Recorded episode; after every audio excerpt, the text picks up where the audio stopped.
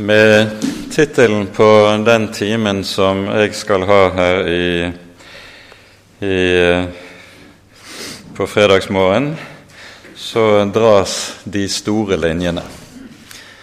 Fra eden til den nye jord, skapelse, forløsning og fullendelse. Og med dette så dras vi inn i det som er det store perspektiv i Bibelen, fra begynnelsen til enden, og tas inn i det som er så grunnleggende i Den hellige Skrift, nemlig at Skriften gir oss frelseshistorie. Det er historie. En historie som taler om Guds gjerninger, som tar sin begynnelse med skapelsen, og som når sin fullendelse i nyskapelsen. Vi kommer til å bruke en del tid eh, denne timen i Johannes' åpenbaring. Eh, boken som eh, tar oss med inn i fullendelsen. Og Det som er karakteristisk for åpenbaringsboken, er at den hele tiden peker tilbake også til begynnelsen. Derfor er det også slik at han som er skaperen og fullenderen, han kalles, kaller seg selv for begynnelsen og enden. Alfa og omega, den første og den siste. Så i Guds navn så bindes det hele sammen. Når vi kommer til åpenbaringsbokens 21. og 22. kapittel, så griper denne tilbake til Bibelens begynnelse. Og så blir det på sett og vis slik at de to siste kapitler i Den hellige skrift de stadfester åpenbaringens enhet.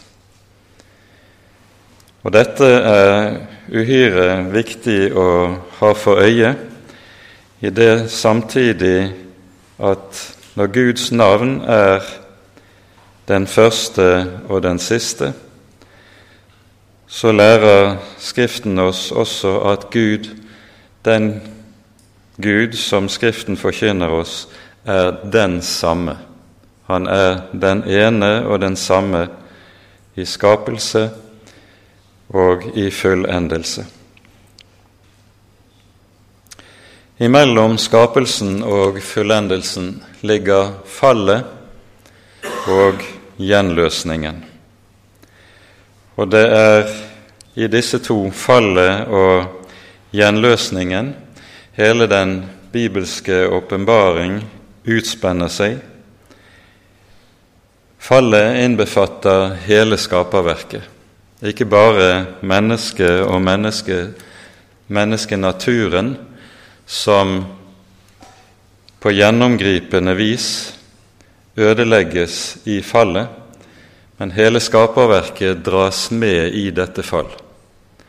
Når Herren taler til Adam etter fallet, så lyder det i Første Mosebok 3.: Fordi du gjorde dette, skal jorden være forbannet for din skyld.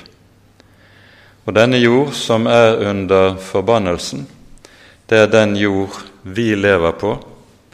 Det er den jord som gjenløsningsverket utfolder seg i. Og på tilsvarende vis, når Skriften peker frem mot fullendelsen, så er det en fullendelse og en gjenreisning ikke bare av mennesket som falt, men det er en gjenreisning som omfatter hele skaperverket. I Romerbrevets åttende kapittel hører vi Paulus skrive følgende.: Jeg er overbevist om at den nåværende tids lidelse ikke er for noe å regne mot den herlighet som skal åpenbares på oss. for skapningen venter og lengter etter at Guds barn skal åpenbares. Skapningen ble jo lagt under forgjengelighet, ikke frivillig, men etter Hans vilje som la den under forgjengelighet, i håp om at også skapningen skal bli frigjort fra trelldommen under forgjengelighet og nå frem til Guds barns frihet i herlighet.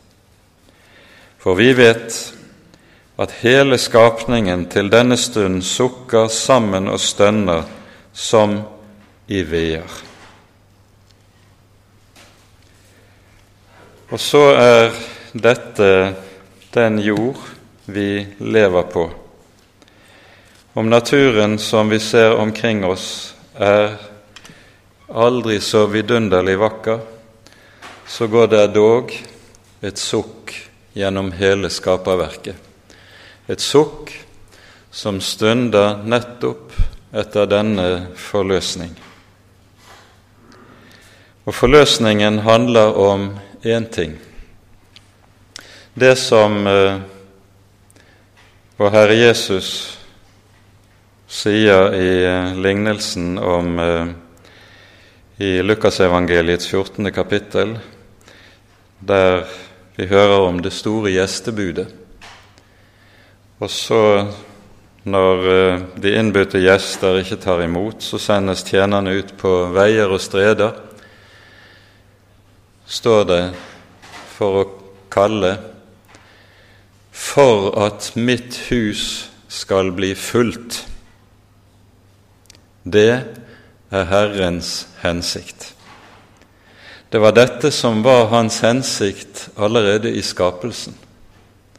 At Herrens hus skulle fylles, fylles med hans gjester, skapt til hans ære, fylt med hans glede fra begynnelsen av.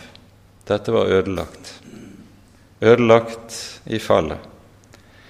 Men det er dette hele frelsesverket dreier seg om, og som er Guds, det som Gud søker.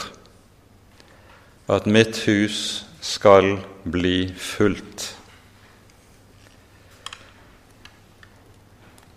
Og så har Gud gitt oss sitt navn. Han har åpenbart seg selv som et ledd i hele dette frelsesarbeid. Allerede på fallets dag så hører vi hvem Gud er. Han er den som søker det som falt. Når Herren kommer inn i haven etter fallet, så er menneskets umiddelbare reaksjon at det springer av sted for å gjemme seg. Frykten for å møte den levende Gud, frykten for å stå ansikt til ansikt med Den hellige, blir så overveldende at når han er i nærheten, så søker mennesket å skjule seg. Og dette er alltid det falne menneskets natur helt fra denne dagen av. Det er ikke sant at mennesket søker Gud. Er det noen mennesket vil unngå å møte fremfor noe, så er det nettopp den levende Gud. Mennesket er en skapning på flukt fra sin Herre og sin Skaper. I stedet er saken den at Gud er den som søker mennesket. Og dette er tema for hele frelseshistorien. Dette er tema for hele åpenbaringshistorien. Gud søker det tapte, den levende Gud i søken etter det som falt. Når Jesus sier programmatisk om hvorfor han har kommet til verden, så sier han menneskesønnen er kommet for å søke for å søke og frelse det som var fortapt. Dette er hele hensikten med hans komme. Og hensikten ligger altså i det vi har pekt på, for at mitt hus skal bli fullt. Dette er hans attrå, og det er dette åpenbaringen ser frem imot når vi i det syvende kapittel hører om hvorledes apostelen ser en skare så stor at ingen kunne telle den. Når Herren slik arbeider i vår verden, så hører vi i, eh, hos profeten Jesaja, som der vi i, eh, fra kapittel 40 av og utover på ny og på ny hører Herren tale om seg selv og si:" Jeg er den første og den siste, den som er og som var og som kommer. Så sier han også om seg selv i kapittel 46. Kom i hu de første ting fra evighet. Jeg er Gud og ingen annen. Jeg er Gud, og det er ingen som jeg. Jeg som fra begynnelsen forkynner enden. Fra fordums tid, det som ikke er skjedd. Det er jeg som sier, mitt råd skal bli fullbyrdet, og alt det jeg vil, det gjør jeg. Han som er begynnelsen og enden, han er den som også fra begynnelsen forkynner enden. Og så ser vi i åpenbaringsboken frem imot dette. I det frelsesdrama som Bibelen slik ruller opp for oss, er det én hovedperson. Den Herre Jesus Kristus, Han som er den evige midler mellom Gud og skaperverket. Sønnen er midler i skapelsen. I Kolosserbrevet leser vi ordene fra Paulus som der han skriver om Guds sønn. Han er et bilde av den usynlige Gud, den førstefødte fremfor enhver skapning. For i ham er alt blitt skapt, i himmelen og på jorden, det synlige og det usynlige, enten det er troner eller herredømmer eller makter eller myndigheter.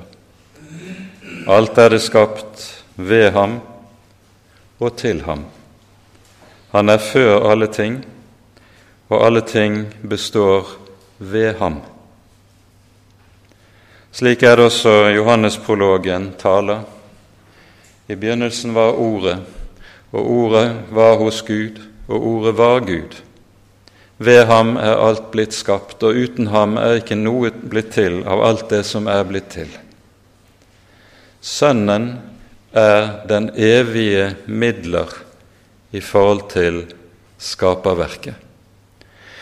Og som han er midler i skapelsen, er han også midler i frelsen. Han er den ved hvem Gud utfører sitt frelsesverk.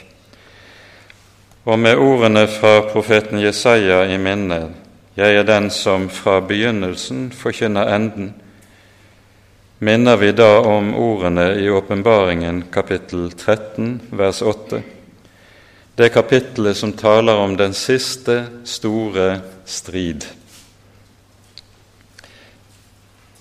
Der dyret, antikristen, forfører jorden, og så står det alle som bor på jorden, skal tilbe dyret. Hver den som ikke har fått sitt navn skrevet i livets bok, hos lammet, som er slaktet fra verdens grunnvoll, ble lagt. Dette er en helt egenartet formulering, men i dette så sies det altså at lammet er slaktet før verdens grunnvoll ble lagt. Frelsesverket er ikke tilfeldig lune hos Gud. men det er gjort klart hos den allvitende og den allmektige før selve skapelsen. Når Gud skaper verden, så skaper han den i bevisstheten om at det han nå gjør med å frembringe mennesket, det er noe som i tiden vil komme til å koste ham usigelig mye.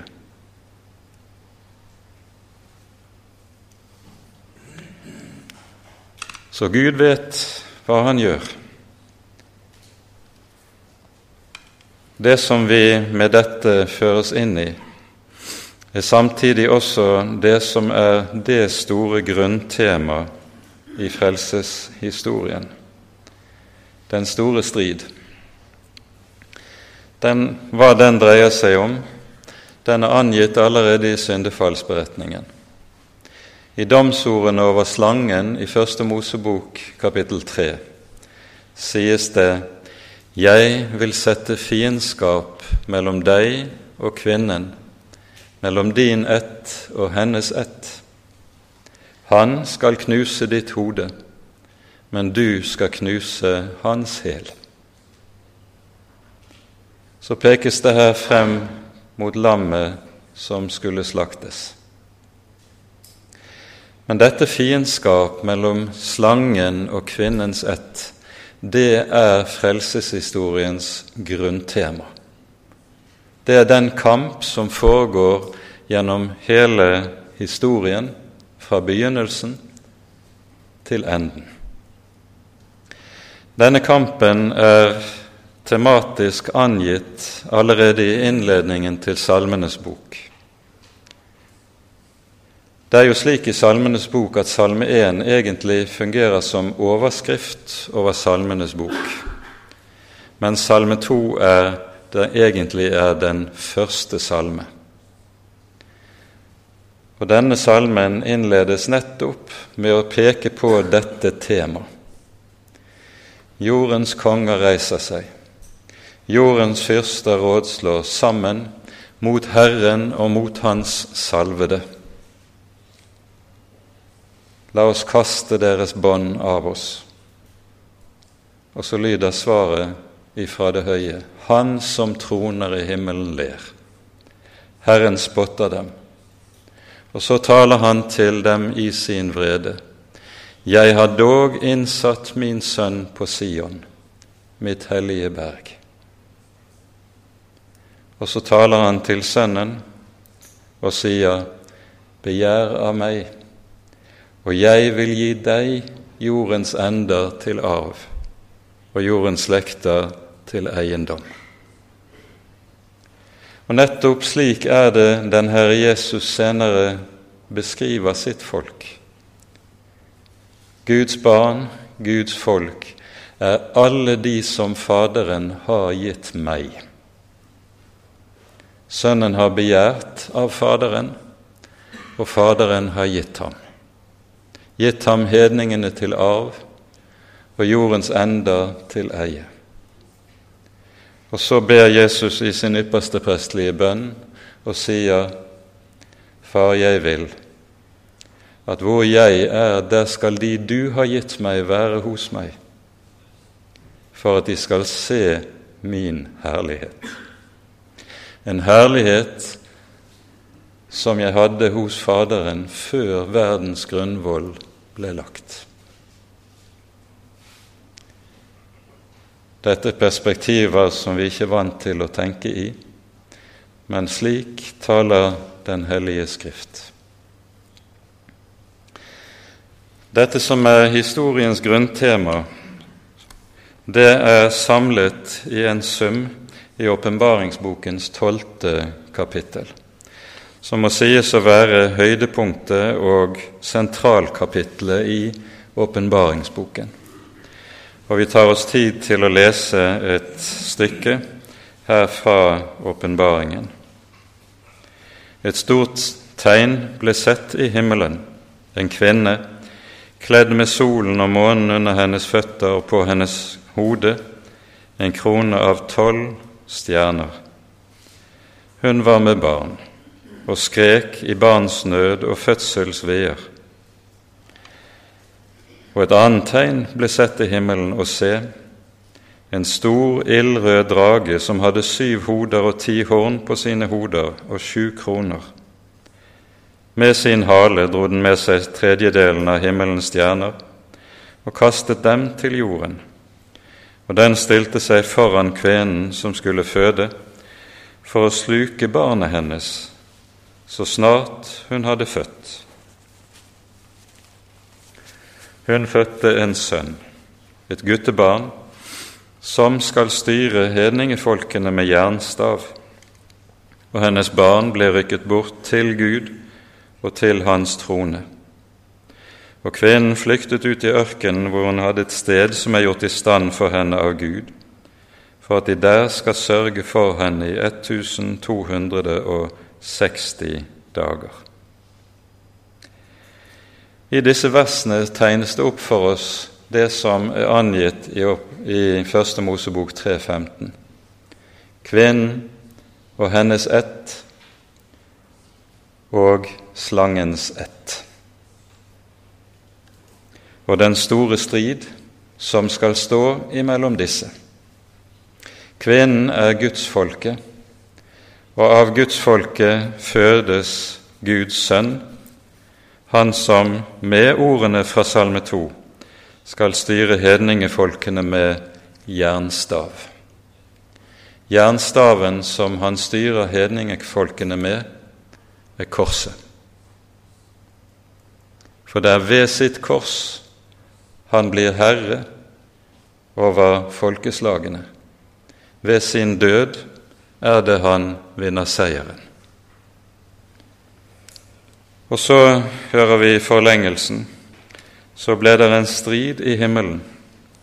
Mikael og hans engler tok til å stride mot dragen og dragens stred og dens engler, og de kunne ikke stå seg. Det ble ikke lenger funnet sted for denne i himmelen. Den store drage ble kastet ned, den gamle slange, han som kalles djevelen og Satan, han som forfører hele verden, han ble kastet ned på jorden, og hans engler kastet ned med ham.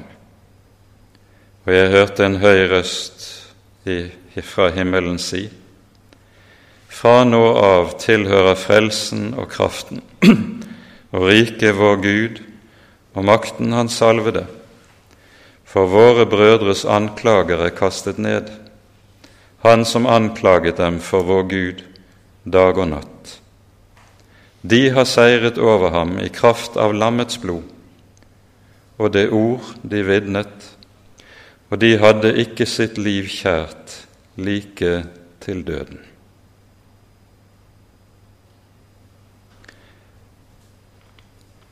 Det som her tegnes for oss, er det som foregår i den usynlige verden, når vår Herre Jesus Kristus korsfestet. Korset er Jesu endelige seier over djevelen. Forut for sin lidelse er det Jesus sier i Johannes 12.: Timen er kommet, nå skal denne verdens fyrste kastes ut. Og det er det vi ser tegnet for oss skje i den usynlige verden her slik det males for våre øyne i Åpenbaringen 12. Her i verden ser vi ikke hva som foregår. Det må åpenbares, som vi hører det i åpenbaringen. Her i verden ser vi intet annet enn kors, lidelse, nederlag og død. Men bak kulissene skjer det en kamp som gjør at det er en seier en seier som ikke bare gjelder Guds egen sønn, men som gjelder hele Guds folk. Og derfor lyder det om Guds folk i denne sammenheng. De har seiret over ham i kraft av lammets blod. Ikke i kraft av sin egen utholdenhet, ikke i kraft av sin egen fromhet, ikke i kraft av sin egen evne til å stride, til å kjempe, men ene og alene i kraft av det blod som ble utgitt på korset. Det er seieren. Og dette er det Guds folk holder fast ved. Og derfor står det 'ved det ord de vitnet'. Det er om dette lam, om dette blod, om denne seier og om dette kors Guds folk stadig vitner, og det er dette de peker på. For de vet her er vårt liv. Her er vår frelse. Her er vårt lys. Åpenbaringen 12 står som preludium til den siste store strid som uh, males for våre øyne i de følgende kapitler i åpenbaringsboken. Fra kapittel 13 til 17 hører vi om det antikristelige riket og antikrists herredømme. Og det står om ham når han trer frem på historiens arena. Det ble gitt ham å seire over de hellige. Det skal med andre ord se slik ut i denne tid i historien at alt håp er ute. Guds rike går under. Troen er borte. Det er intet tilbake.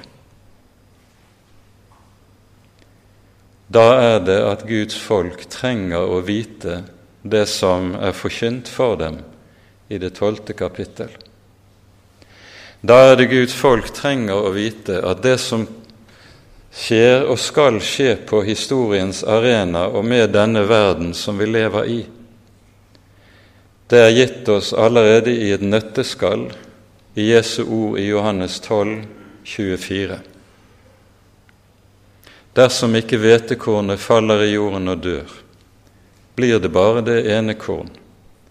Men dersom det dør, bærer det megen frukt. Dette ordet er fra Jesu munn talt for det første om hans egen lidelse, som ligger foran. Av de påfølgende vers forstår vi at ordet samtidig også gjelder hans folk. Hans folk skal lide og bære korset slik han selv har gjort det. Det er den kristne kirkes kår her i tiden, og de skal aldri regne med noe annet. Her i verden lever vi under korset. Men samtidig tror jeg vi har lov til, i lys av det som både åpenbaringsboken og Skriften for øvrig taler om når den ser fremover mot historiens avslutning, så er det også denne hvetekornets lov som kommer til å gjelde hele skaperverket. Hele skaperverket skal så å si legges i jorden og dø. Og så skal noe nytt spire frem. En ny himmel og en ny jord. Hele skaperverket kommer til å riste i sammenføyningene. Himmelens krefter skal rokkes, hører vi vår Herre Jesus tale om når han peker frem. Og så kommer vår jord til å få gå, lik hvetekornet. Men denne undergang er ikke det siste. Denne undergang blir bare begynnelsen på det som Herren har lovet. Jeg skaper en ny himmel og en ny jord der rettferdighet bor. Historien blir ikke en forferdelse uten ende, men det blir en ende med forferdelse, over hvilken der lyser et håp. I denne tid kommer Guds folk på ny og på ny til midt ut av mørket og spørre, som vi hører det lyder i Jesaja 21.: Vekter, hvor langt på natt, hvor langt på natt? Åpenbaringsboken er gitt som en trøstebok til Guds folk i slike tider. Og det er viktig å vite at nettopp dette er hensikten med det, denne bok. Det er ikke en bok som er gitt for å tilfredsstille nysgjerrigheten til sånne som er interessert i sensasjoner når det gjelder fremtiden. Det er gitt som en trøstebok til Guds folk for at de skal vite at også når det gjelder denne vår verden og dette vårt liv under korset her i verden, det står under hvetekornets lov. Hvetekornet må legges i jorden og dø for at det nye skal spire frem. Og så står Guds folk her i den store strid. Og de skal vite med åpenbaringen det som er gitt oss i det femte kapittelet. I det femte kapittelet i åpenbaringsboken er det vi hører om lammet som kan åpne boken, Guds lam.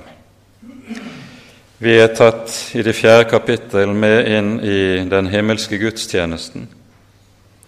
Og så er det vi leser i kapittel fem følgende Jeg så Han som satt på tronen. Han hadde en bokrull i sin høyre hånd. Den var skrevet både innvendig og utvendig, og den var forseglet med syv seil. Jeg så en mektig engel som ropte med høy røst. Hvem er verdig til å åpne boken og bryte seilene på den? Og det var ingen i himmelen eller på jorden eller under jorden som kunne åpne boken eller se i den. Da gråt jeg sårt, fordi ingen var funnet verdig til å åpne boken eller se i den. Men en av de eldste sier til meg, gråt ikke. Se, løven av Judas stamme Davids rotskudd har seiret. Han kan åpne boken og de syv seil på den. Og jeg så midt imellom tronen og de fire livsvesener og de eldste sto der et lam, like som slaktet. Det hadde syv horn og syv øyne, det er de syv Guds ånder som er sendt ut over hele jorden. Lammet kom bort til ham som satt på tronen, og tok boken av hans høyre hånd. Og da det tok boken, falt de fire livsvesener og de 24 eldste ned for lammet, og de synger en ny sang. Når Johannes her gråter fordi ingen er funnet verdig til å åpne boken, så er det en fortvilelse som dreier seg om dette. Gis det da ingen som kan fullende skaperverket. Gis det ingen ende på trengselen, på nøden til Guds folk? Skal alt være en forferdelse uten ende? Og så gråter han i fortvilelse over at ingen var funnet. Og så kommer trøsten, gråt ikke. Se, løven av Judas stamme Davids rotskudd er verdig til å åpne boken. Og så ser han et lam. Det som står her, er uhyre betydningsfullt. For det første, selv når Johannes er tatt med inn i den himmelske virkelighet, så ser han ikke lammet uten at det åpenbares for ham. I dette ligger den store hemmelighet at Guds sønn alltid må åpenbares, aldri kan sees og kjennes uten at Ånden får lov til å åpenbare ham for oss. Og Dette er en åndelig grunnlov i alt den kristne kirkes liv. Der Ånden får åpenbare evangeliet, der rinner frelse for syndere. For det andre, når Johannes får øye på løven av Judas stamme, så er løven et lam. Og dette lam står midt står det mellom tronen og de 24 eldste og livsvesenene. Lammet er med andre ord sentrum i himmelen. Det skal vi også legge merke til. Like som lammet er sentrum i åpenbaringshistorien, så er lammet sentrum også i den himmelske verden. Alles øyne er vendt mot og rettet på lammet. For det tredje dette lam står der like som slaktet, står det. I dette er det et veldig evangelium. For det som Skriften lærer oss når den ser frem imot avslutningen, det er at den dagen skal det være slutt på alt ondt. Der er ingen død, der er ingen sorg, der er ingen, der er ingen nød, der er intet ondt. Der er satt punktum for det onde. Og så er det da slik at den oppstandende menighet, som er kledd i herlighetslegemer fordi de har fått se ham som han er, der er det også sporene av det onde. De er visket bort. Ingen av oss skal lenger bære merker etter synden i evighetens verden. Det er bare én.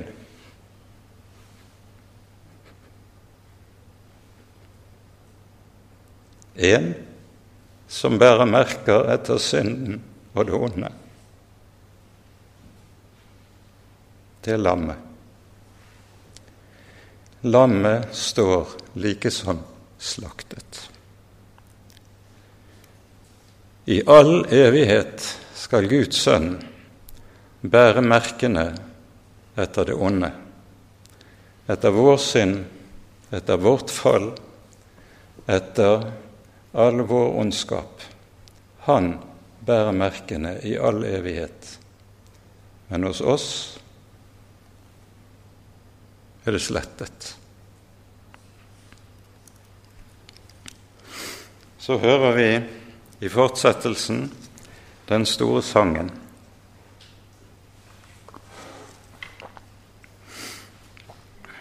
Verdig er du Guds lam, hører vi det, lyder.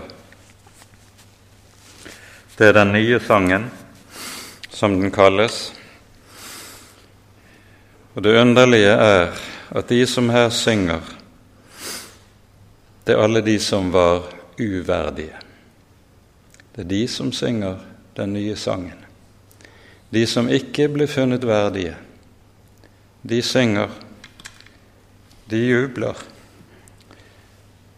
Og så er dette inngangen til det som er seieren. Lammet slaktet før verdens grunnvoll ble lagt, hørte vi. Det er i kraft av dette slaktede lam historien en dag skal føres frem til sin ende. For dette lam som har Davids nøkler og kan åpne boken, det betyr at det er dette lam som har makten og fullmakten til å føre historien frem mot dens mål. Der det verden opprinnelig var skapt til, skal gjenreises. Der mennesket skal få lov til å stå rene skyldfrie for sin skaper, der skaperens hus skal være fullt. Jeg så en ny himmel og en ny jord. Her ser han livets tre som er plantet. Her ser han livets elv som renner ut. Og så hører vi i åpenbaringsbokens siste kapitler de samme grunnleggende ord som kjennetegner evangeliet her i tiden. Jeg er alfa og omega, den første og den siste begynnelsen og enden. Salig er de som vasker sine kapper og får rett til livets tre, til å gå gjennom portene og inn i byen. Og Ånden og bruden sier, Kom. Og den som hører det, la ham si, Kom. Og den som tørster, han får komme, og den som vil, han får ta livets vann for intet. Han som vitner dette, sier, Ja, jeg kommer snart. Amen. Ja, kom, Herre Jesus. Vår Herre Jesu Kristi nåde være med dere alle. Dette er Bibelens siste vers. Dette er Herrens siste hilsen til sitt folk her i tiden, med tanke på at de skal få løfte øynene i forventning, i håp, til Han som er begynnelsen og enden. Han er begynnelsen og enden i skaperverket. Og Skriften lærer oss også at han er det i troen. Han er troens opphavsmann og fullender, for at han skal være den første og den siste i alle ting. Ære være Faderen og Sønnen og Den hellige ånd som var og er og være skal, en sann Gud, høylovet i evighet. Amen.